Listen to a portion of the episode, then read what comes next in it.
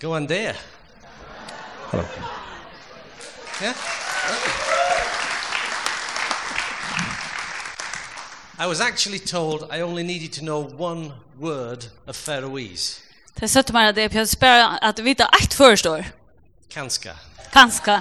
Maybe. And I have discovered that is true. It's true of the weather, Jag får inte att ta passa faktiskt och sannolikt om väckre. but this is our first visit to the Faroes, Ett er fyrst för vi där i färjan. and I want to thank you for the warmth of your welcome. Och man tackar till kon för så hjärta lite där värre. Aj. Och gesta blöj. I've heard about these mysterious islands for many years. Jag har hört om hur mystiska ötchar i Neckvar. Because when I was young, I went on missions with Don Hinchcliffe, Så det här var onker så får i missionsfärd vid Don Hinchcliffe. which some of you will know. Som några av dig kan känna. And uh, I did missions with him in the Brethren assemblies. Och jag får missionsfärd vid honom. Uh, Tjabröra samkonen. And he was a close friend of my father. Och han var en uh, närvinner vid pappa min. And he's also a close friend of Yegban's father. Og eisne vinner tja Sakaris pappa Jekvan. So I bring greetings from Don, Så jeg skal helsa deg fra Don. as well as from uh, my church, Life Church. Og jeg skal eisne helsa deg fra Life Church i Bradford her jeg kom fra. And I thank you for the privilege of being able to share God's word with you today. Og jeg vil takka deg for eh, det her privilegiet han får at at deila gos år vid, låta gos år vid deg i det. I want to share a simple thought with you from the book of Nehemiah. Jeg ikke at låta vid deg en en- enklan tanka ur Nehemias. Nehemiah is one of my favorite Bible characters. Nehemias er en av mine favorittene ur Bibelen. I think because he was a builder Jeg halte tog at han var en uh, bytjemeistere, and my original profession is being in the building industry. og det var mot virkje. Because of that, with the, my ministry involvement, I've also been involved in building church premises. Og jeg til at jeg har arbeidt nek og i tjenest for herren, så har vi eisne vært nek innan bytje virksomme og i samkomhjøpe. And uh, as I was thinking about today, I was reminded of an incident that took place some years ago. Og da jeg hoksa om det, så kom tankar om en hending som hendte for nek for åren siden. I received a call from my secretary saying the architect had come to see me Og en uh, sekretær som har sier at en hei uh, arkitekter vil sutja med, and he had the contract with him for the new extension we were putting on our building. og han er sottmalan vissar, bytje sottmalan, uh, til vi bygde akkur ut i samkomne. And he came into my office and greeted me, Og han kom innan skrivstånda og sier han det, but he had nothing in his hands. men han hei ikke i hånden. So I said to him, I thought you were bringing the contract. Jeg helst at du kom i sottmalan, sier He said, Ah, yes, it's Yeah. coming. Kjemmer. And behind him came a young man from his office Og at han fyrir honom tjekka en unge mever fra kontoren i honom. with three heavy boxes, Vi trymon tungon kasson which he dropped on my desk. som kom og skriva vår pum. And each contract was 30 centimeters deep. Og hver shottmalle var 30 centimeter. And there was every plan, every, every detail of the drawing in that contract. Og hver detalja i shottmallen var skriva nyer. So I, I wasn't going to read it, Og Jeg klarer ikke å lese alt. but I knew why I pay the architect so much money now. Men nu visste jeg hvor jeg betalt snek fyrir det. So we signed the contract. Så And vi skriva under. I forgot all about it. Og så glemte jeg alt under. Then three quarters of the way through the building, we hit a problem. Og så mitt i bytjearbeid så fikk vi trobleikar. And basically, the builder went bankrupt. Faktisk så får han fallit, han som byggde. Big trouble. Og nå hadde vi trobleikar. Who's going to finish the building? Hvor skal jeg le ut? What happens if there's a problem? Og hva hender om vi trobleikar kommer? And the architect, the architect said to me, Remember the contract you signed. Og arkitekten sier med, med mitt til sottmannen som vi underskriver. And he took me back to the document, and there was everything that would happen because of the problem we'd met. Og i sottmannen står alt skriva som hendte om det så vær. That, er. At det skal gjenga gale. that contract kind of saved our lives. Han sottmannen bjerga jo What I've begun to realize is when we build God's house, the church, Det som jeg fant til var at jeg vidt bytja godt samkomme, There is a sense in which we need a kind of contract. Og det er akkurat som at eh, vi har faktisk bruk for å synda en sottmale. Maybe contract's the wrong word, but we, we need a, an agreement together. Sottmale er kanskje skaiva uttrykk, men eh, at vi tar en semja, vi er samt om nekka. about how we will do it Hvordan vi gjør det, and how we will negotiate the building process. og hvordan vi skulle uh, navigere i jøkkendeile. And as I reflected on Nehemiah and his rebuilding of the walls, Og ta i hukk til at Nehemia, så hvordan tar bygde muren er. opp etter, I began to read it through the eyes of that experience. og så byrja jeg å lese det i jøkken hese egen av temne erfaringen som jeg har gjort meg. And it struck me there were certain things that the people in Nehemiah's day agreed upon. Og jeg legger mest til at av Nehemias er døven, så var det noen ting som de var samt om. And I think that agreement to build together We was have- the key to the success of the project. Og jeg halte jeg semjan om hvordan det skulle bytja, var likelen til deres suksess. And I'd like to suggest to you this morning that if we can agree the same elements, Og jeg tykker vi at om vi kunne semjast eh, med vi bytja, We can successfully build the church in our day.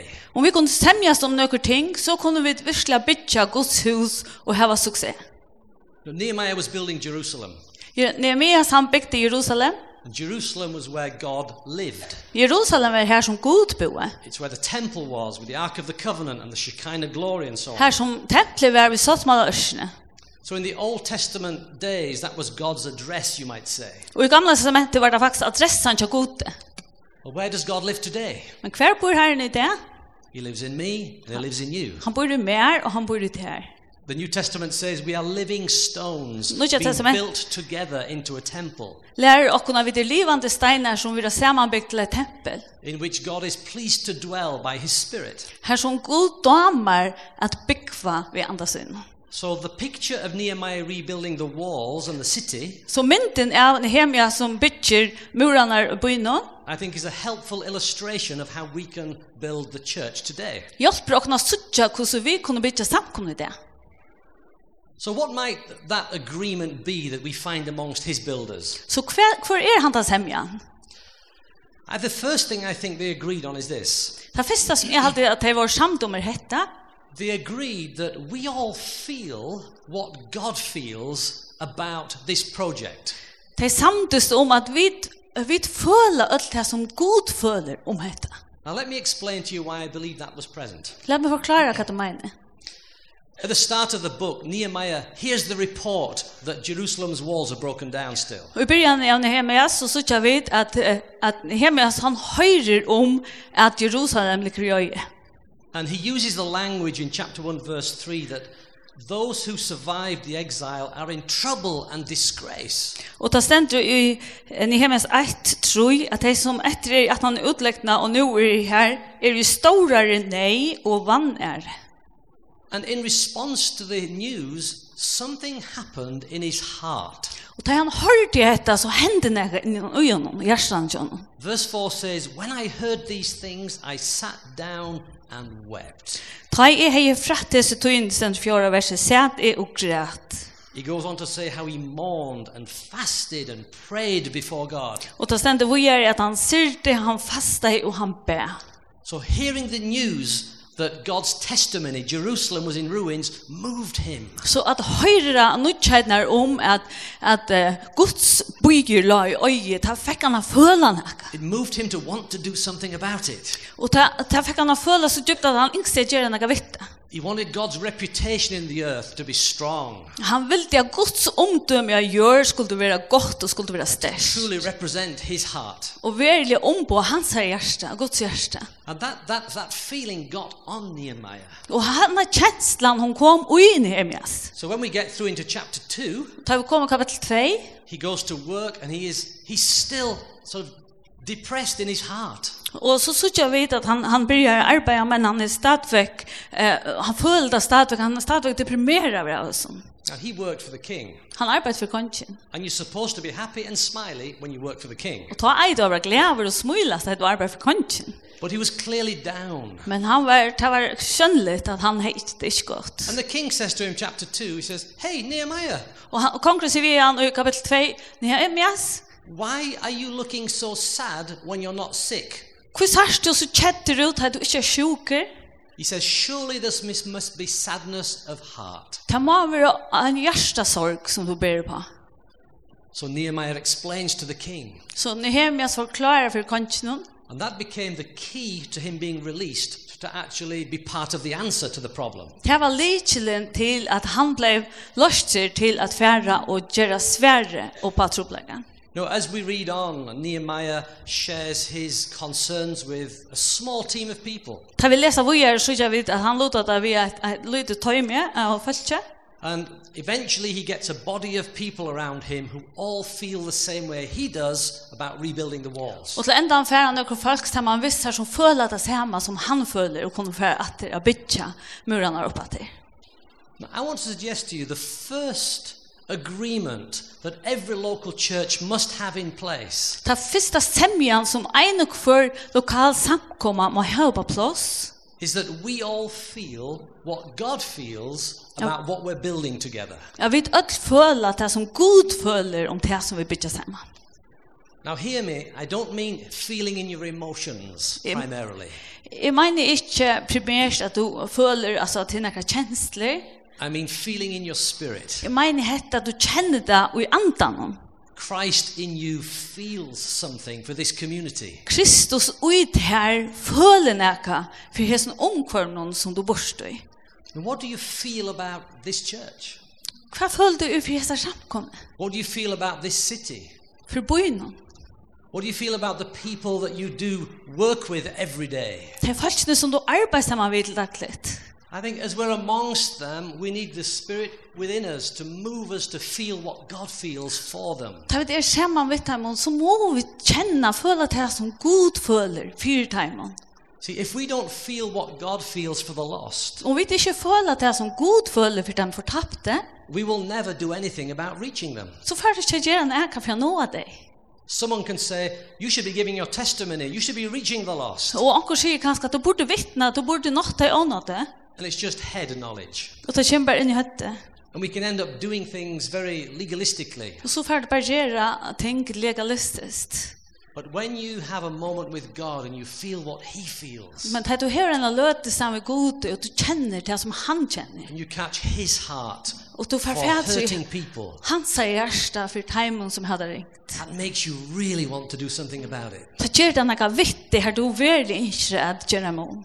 And I would suggest to you that's why this church exists. Og jeg tykker at det er årsaken til at hennes samkommand er til. It exists because your leaders feel something for the Faroese people, Hun er til til at ikke er leier i følene jeg for det første følelse. for people who are far from God. For følelse som er lengt bort fra gode. They want this Jerusalem, as it were, to be vibrant and healthy and strong. De ønsker at dette Jerusalem, om vi så kan si, er størst og er livende. They want many more living stones to be taken from the quarry of this world and built into this structure. De ønsker at flere livende steiner skulle være tikner ur grådrykkene og skulle være parter av å bytte god samkomme i høysens sted. I wonder what you feel in your heart when your leaders preach. Jeg husker hva man stod føle ut i hjerte ta jeg til leier tala. I hope something inside you goes, yes. Jeg håper også innan uter sier ja. I, I want to be part of outworking this vision we have. Jeg er ikke vært parster av at føre hessa visjonen ut i livet. When you initiate a new project, Da du forteller om et nytt um tiltak, for example, I've been hearing all about your new building proposal, ja, som jeg har hørt om at det er i ferie for å bytja, which is so exciting. det er så spennende, But it's not about the building, men det dreier seg um ikke om bygningen. it's about the people you'll reach through the building. Det er om falskene som til for å nå ut jøkken til The bygningen. building is just a tool, Bygningen er bare et ampo, but what a mighty tool in the hands of God's people who feel something for their community. Men er fantastisk ambo at nå at det er mennesker som god um, hever i sin hjerte. So I pray God gives you His eyes, Jeg ber om at god skal gjøre det hans her eier, His heart. hans her hjerte. So as you do your daily life in this community, Så som daglig til liv, at det er daglig liv, you begin to feel what He feels så for blir it. det føle det som han føler. And it's that that galvanizes you and moves you into action together. Det er det som galanserer det, som ferdig er gjerne noe. because I don't think people truly get involved in helping build the church until they feel something in their spirit about it. Jeg tykker ikke at folk verliga færre gong vi at hjelpa bytja hos samkommun fyrir de føler det innan og og det er lukka som drivkraften til at gjøre hos arbeid. So I see an implicit agreement in this building team that So- they all want to feel what God feels. Så jeg sykje en semje her eh, og i- og i Nehemjas at öll ikke gjøre det og føler det som god føler. Well, I think because of that, we see a second agreement they seem to have. Jeg har til sammen så sykje vi til neste semjena som jeg tykker det her va? And it's simply this Og til dette that they all agree to get involved in helping with the building project. Det var öll samt om at være hjelpa til vi har som bytjeprosjekt nå. Now, chapter 3 of Nehemiah's book is one of those chapters in the Bible that you can be tempted to read very quickly. Kapitel 3 i Nehemjas, det kan du hava linde til å bare skimme kjøkkenen. Because it's just a list of the people who built the wall. Du er bare en liste av timen som bygde muren. So you think to yourself, oh, that's boring. Let's Huh. get on to chapter 4. Hatta ser så åndsant ut, la dem fære til kapitel 4.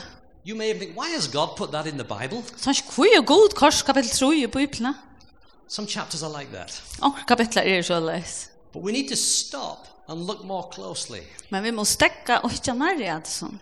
Because it's fascinating just who did build the wall. Så det er fascinerende at lese hver var det som bygde muren. We discover there were priests, Her var prester, there were rulers, og her var uh, tar som råtte, uh, there were merchants and shopkeepers, og her var handelsmenn, there were men and women.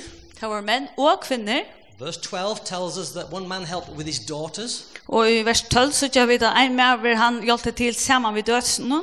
All manner of people helped. Alt slet har følt hjelp til. In fact, in verse 8, it says that one of the goldsmiths repaired a section. Og i, og i vers 8 så gjør vi det e- enda en godsmyer hjelpte til. I mean, you think, when you're building a wall, you think of, of stonemasons and strong men and lifting stones around, not goldsmiths who do detail work. Da du hukser om å bytja en mur, så hukser du om sterske um menn som orsker litt av steiner. Ikke så godsmyer som sitter av lutt om detaljen.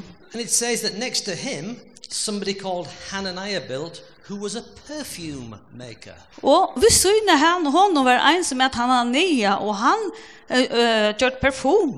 I mean, I want the wall to stand up, not smell nice. Jeg vil ha vetsjene standa, ikke lukta vel. What an i- incredibly mixed group of people. En fullstendig blanding av fölkje. But I think it's a picture Men jeg har alltid hans en mynd of a group of people like this. av en bølge av mennesken som hesen. All ages, all backgrounds, Av öllum aldre og bakgrunden different professions, og ymisk arbeid. but actually totally committed to building God's house. Men faktisk fullkomlig ivergiven til å bytja gudshus. Each bringing their skill to the task. Hvor en stekker kommer vi synungaven, Now you may think, what skill does a perfume maker bring? og tar ikke en som gjør um parfume, hva kan han komme vi? I think he helped just because help was needed. Jeg har alltid han hjelpte bare til å ha bruk for hjelp. But sometimes when we serve, it's because it's in our skill set. Og til å ta vidt tjena, så da tog jeg vidt her evnende til akkurat det.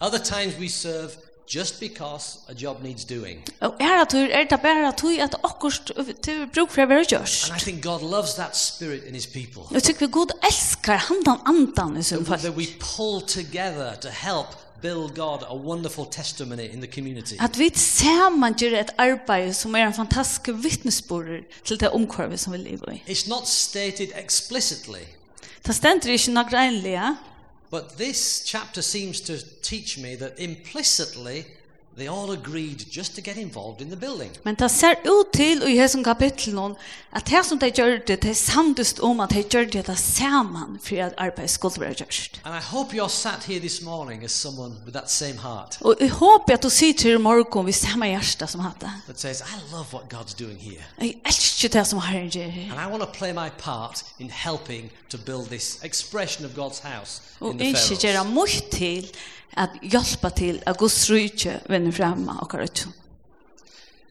It interests me that here and there in this chapter it says that various people made repairs next to their house. Jeg tror avhåverst å sutja at eh, flere av som folken hon, de stod bant vi sitt egna heim og bygde. It says that in verse 10 Og i vers 20 sutja vi det, and in verse 28 28, vers 28, and in verse 29 og i vers 29, they made repairs in front of their own house. de arbeidde bant i av sin egne huse. And that struck me Og, og det det for jeg min jo ammer.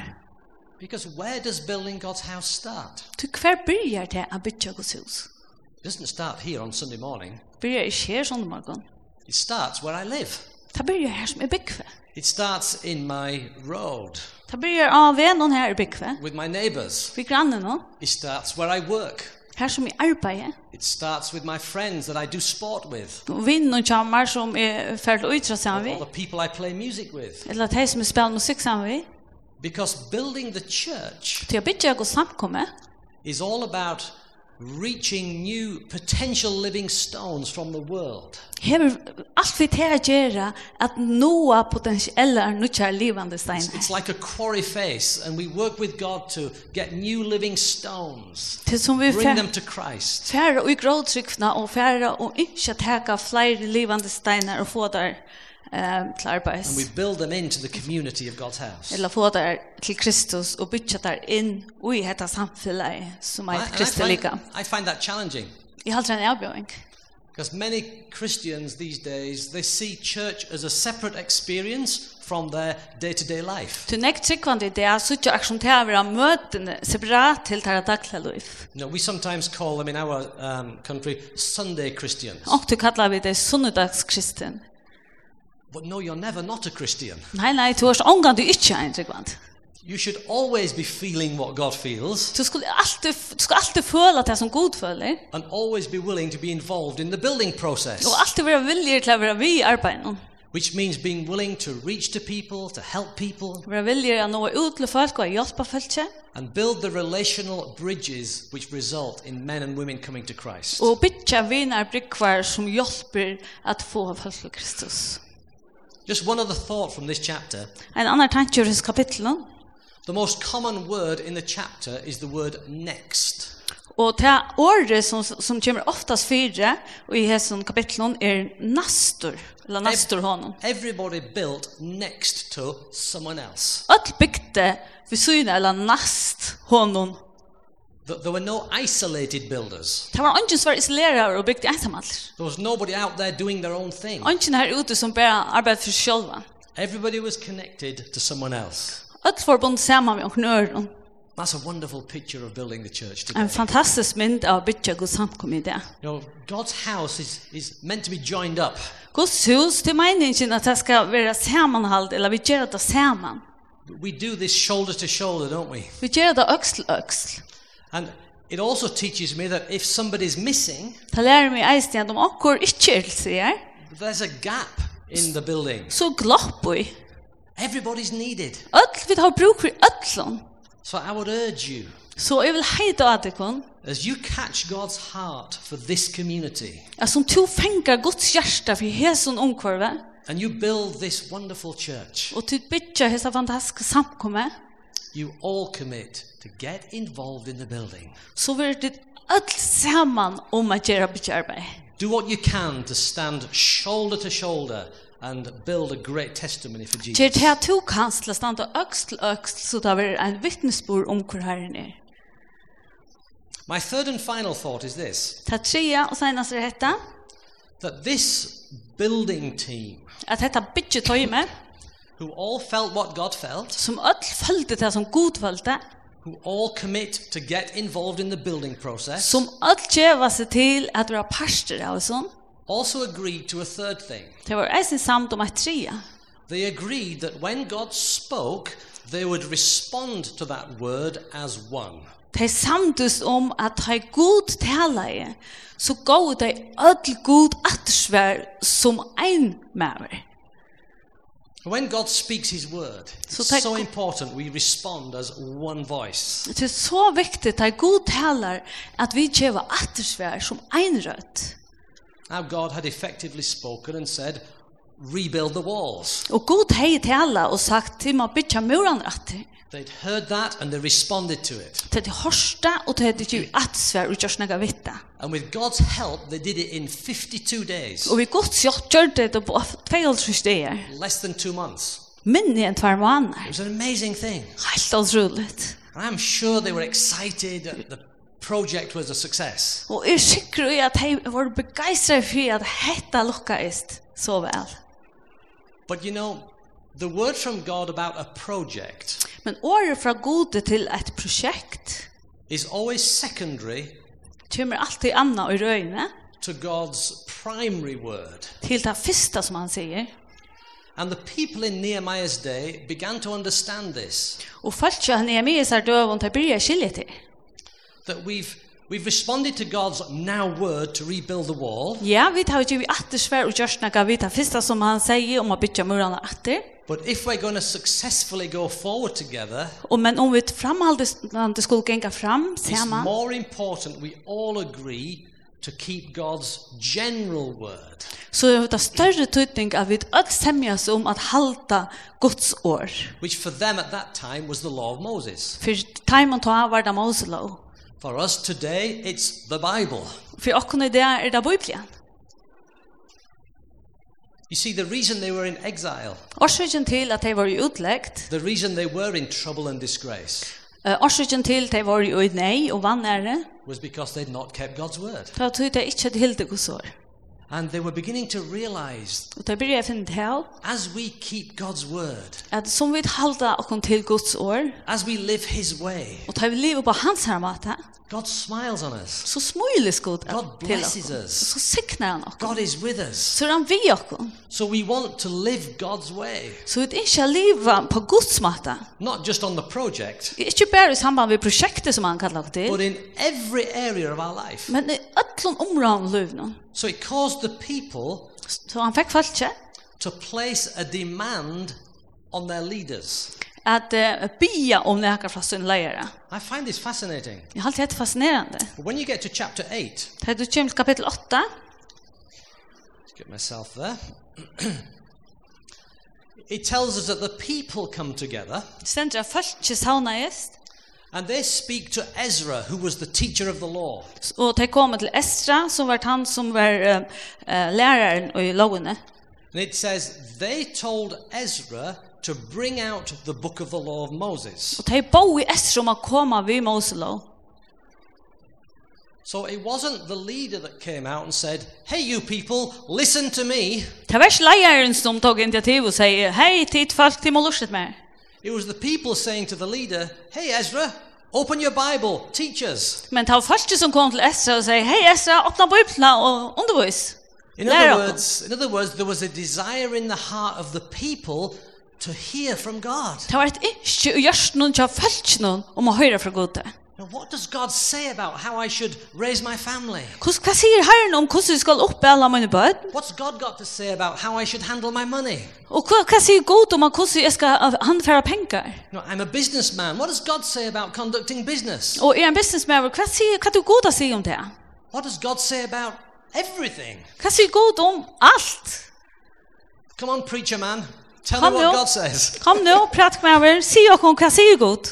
That's kind of what's going on here. Det er faktisk det som hender her. And as you read on, it says the people listened attentively. Og det er- du vil lese hvor jeg har følt ikke lurt deg. They do it all day, then they come back the next day. Lurt deg vel, henne deg, og det kommer i 18 neste dag. And on the second day in verse 5, it says that when Ezra opened the book of God's word, Og i vers 5 stender Esra let så bøyene sunder for egen ansvarsens, all the people stood in honor of God's word. så reistes alt følt i ære fyrre. And it says they Guds ord. lifted their hands and they said, Amen, Amen. Det er litt i hendene her, så det er amen, amen. And then they bowed down and worshiped the Og Lord. så bøkte de seg og tilbøy herren. What a fantastic attitude. En er fantastisk holdning i for Guds år. Every preacher and teacher in the world will tell you Alle pratiker menn og lærere og i heim noen sier der, that when the people are hungry for God's word, det er følt ikke hungrer etter Guds året, preaching and teaching is so easy at tale og at undervisa er så lagt. Because the desire in the people pulls from you things Så hungren i manna hjärtan och ta halar drever ur där that you may not necessarily have said. som du kanske slash har sagt. It was the same with Jesus. Det samma med Jesus. eh? Peter and the disciples placed a demand on him for information. Peter och lärarna när de drar i uron, de vill de ha vida mer. Because of their questioning, often he said more than he would have done. Og av spurningen og tjata, så sier han ofta mer enn han annars har sagt. And I think that same spirit has got to be in the church today. Og jeg trykker at han ser med anden må være i samkomne i det. Church like this isn't a place where you come and watch. Eh, Samkomman som hentan er ikke et sted her du bare kommer og ekleier.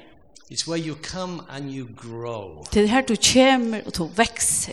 It's a learning environment. er Her du lærer nekka. It's a mutual supportive Det environment. er her vi stoler hver nøyron. And often we come when we gather with needs, with questions. Ofta kommer vi til tørvån og i spurningen. And our prayer is, Lord, give me an answer today. Og okkar bøner gjør meg svær her i det. Lord, whisper your word into my heart today. Og teska et år under mitt hjerte i det. So, in a song of the worship or through a word of the preacher, Så tjøkken lovsangen eller talene. or maybe Oh, just a comment from a friend over coffee, Etla bare en kommentar med at vi stand og drekka kaffe. your ears are open to hear what God is saying. Så er øynene åpen for å høre hva det er det som herren sier. I close with this thought. Jeg skal ste, uh, avslutte ved hesson, tankene. Eventually, as they began to live out God's word, Til enden til det blir jeg livet til som Guds år sier. it tells us in verse 17 that their joy was very great. Så suttar vi til vers 16 at gleden til dem om det var utrolig sår. My prayer is that this church would be so full of joy, Min bøn er at henda samkomman skal være så fyllt av glede a tangible joy, at du kan merke den, du kan føle den. an attractive joy, Og det er the attraktivt. joy of the Lord, Gleden i herren that the lives of the people you touch Ja, are in- lo- are infected by it. at livet av folket som tidligere i samband vi ble avvirket av det. They so understood this principle in Thank- Nehemiah's day Det er skilt dette prinsippet i Samerikla av døvnene med seg. that in chapter 9, verse 38, At i nødtje eh, 38, eventually we read that they say, In view of all this, at da de så i alt dette, and by all this, they Well- mean that they all felt what God felt, at de alt følte det som god følte, that they'd all got involved in the building process, alt var parster av bytjeprosjektene, they'd all responded to God's word as one. og de eh, at svære i herren noen atter som en personer, As a result, they'd felt great joy. og som et urslit av tog, så kjente de store glede. They say, In view of all that, we are going to make a binding agreement. Og av hesson fær vi å gjøre en bindande semje. And basically, they make a covenant, an agreement. Faktisk gjør at det en, sem, en sottmala, en semje, And it's an agreement to keep God's word. og så en semje om um at halda å, vi at halda gods år. And Halda you, sin may, you may er. say, well, yeah, we all agree to live by God's word. Ja, sjølvande, vi semje støttel om um at halda gods år. And, and technically, that's true. Og teknisk så passer det. If you're a follower of Christ, you Und- live by his word. Om du fylgjer Jesus, så lever du eh, og fylgjer hans år. But there are times in our journey where there's a need to sort of mark the moment. Men det er en løta og i løv noen tar vi tar bruk for lukka som at, at, at skriva den i eller komme til et sted at vi sier hette det. To articulate what we think we're all doing anyway. At, at suttja det bedre hva er det som vi uthalda. And that's what was going on here. Og det er det som Jack Fyr sier. They marked the moment and said, come on, let's all agree. Læt dere kun alt semja, sa du deg. We're going to live God's way. Vi fer at leva så som god vil ha dere leva. We're going to see this city populated. Vi fer at suttja henda byen få nekk folk. We're going to see the mountain of the Lord's house raised as chief amongst the mountains. Vi skal suttja Guds fjall reisa seg. And as Isaiah says, then all the nations will stream to it. Og som Isaiah sier, så kommer alla tjauer streimande. My prayer for you here Min bøn for tikkun her would be that you feel what God feels for this community, er at det føler at det som god føler for dette omkvarvet. that you get a deep passion For dette samfunnet, at det får en innelig langsel. to want to do something about the dysfunction out there. At gjøre nekka vi um, ta søvn her ute som ikke fungerer. To reach people for Christ At nå er folk for Kristus. and to build them into a church community og har bytja deg inn i hette samfleie which truly represents our Lord Jesus Christ. som verilig omboar okkar that, Herre it- that Jesus. is his body in action. At det er hans herre likam i funksjon. If you feel it, you'll do something about Om it. du føler det, så gjørs du noe vitt det. And doing something about it Og at gjøre noe vitt det, also requires an agreement to do everything his way. og det, det krever av oss at vi gjør tingene på hans herre måte. Can we pray together? Kom vi be sammen. Let's just bow our heads. At han bøyt okkar høyt. Heavenly Father, we thank you for Himmelske- loving us, Himmelske Fær, vi takkar deg for at du elskar okkar. for coming from heaven to rescue us from sin. At du kom av himmelen for at bjerg okkar fra syndene. Lord, we thank you that you've built us together in a relationship with you. Takk at du byggt okkar saman og i samfunnet vi til.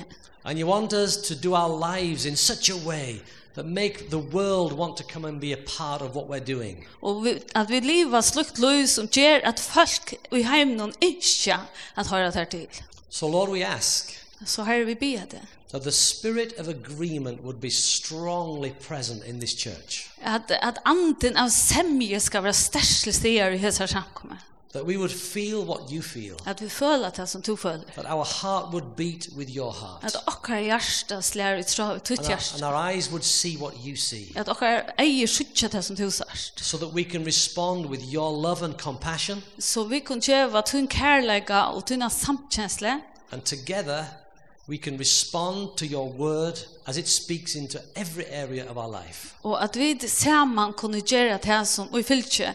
Hva det er tøyne hjärsta som nær mennesker for det. Lord, we ask this for your glory Vi ber det for tøyne dård. and for the saving of many souls. Og at nek skulle bli frelst. In Jesus' name, I Jesu navn. amen. God bless you. Herren sitt navn.